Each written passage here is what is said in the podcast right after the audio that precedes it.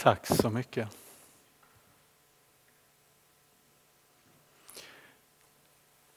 Allt man säger ska vara sant. Vi hörde detta Petrus som fick frågan tillhör du Jesus? Och så svarade han nej. Han ljög. Han fegade ur. Men det handlar inte bara om vad vi säger utan det handlar också om hur det uppfattas.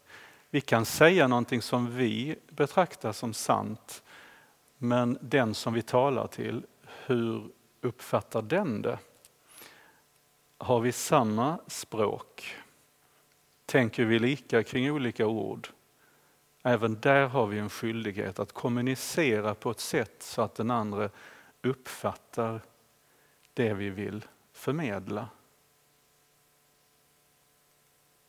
Fastetiden är ett reningsbad.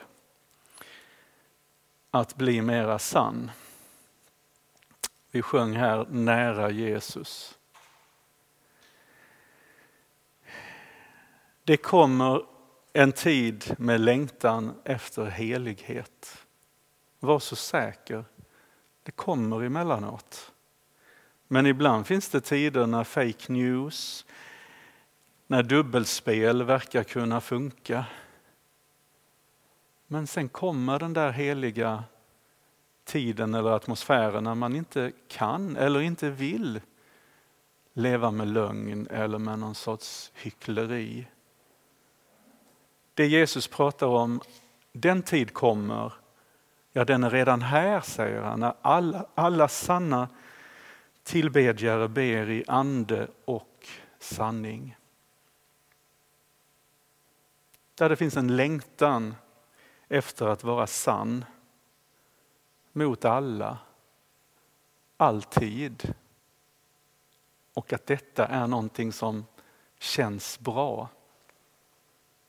Det handlar om vår trovärdighet, att man ska kunna lita på oss, att man ska kunna lita på dig, att man ska kunna lita på mig. Men ibland talas det om nödlögner eller vita lögner. Men istället för detta så finns det en bättre utväg. Och på samma gång som man kan säga att allt man säger ska vara sant, så är det också så att allt som är sant måste inte sägas. För ibland så lovar vi mer än vi klarar.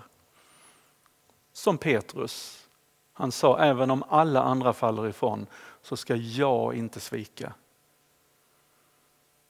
Men det var en annan tongång när han upprättades efter uppståndelsen och han svarade, du vet allt, du vet att jag har dig kär.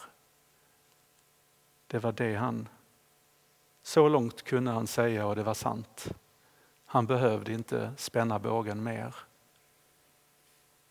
Eller som en liknelse som Jesus har berättat där den ena sonen som kallades att arbeta i vingården sa ja, visst.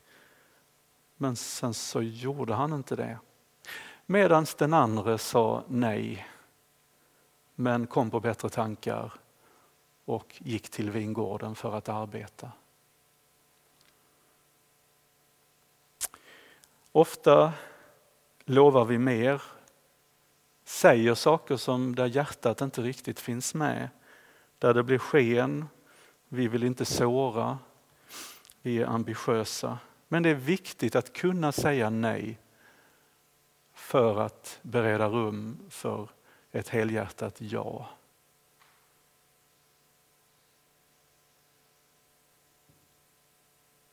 Det finns en berättelse i Daniels bok. Ni vet, där man skulle böja knä för någon staty på Nebukadnessar i den här eh, diktaturen. Och där fanns det tecken på en tydlig integritet. Så här svarade de under hot. Shadrak, Mesak och Abednego sa till kung Nebukadnessar, jag vet inte om ni hade med det på lägret, hade ni det? Nej. Eh, svarade kung Nebukadnessar, vi behöver inte ge dig något svar. Om den Gud som vi dyrkar kan rädda oss ur den brinnande ugnen och ur ditt våld, konung, så räddar han oss. Om inte ska du veta att vi ändå aldrig kommer att dyrka dina gudar eller tillbe den gyllene statyn som du har rest.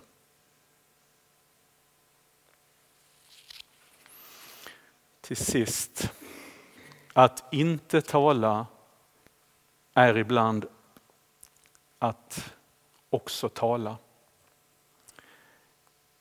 Den som har sagt detta det är Dietrich Bonhoeffer. Det finns lägen när livet är som på en knivsegg. Där detta att inte tala, det är också ett språk. Att inte handla, det är också ett sätt att handla.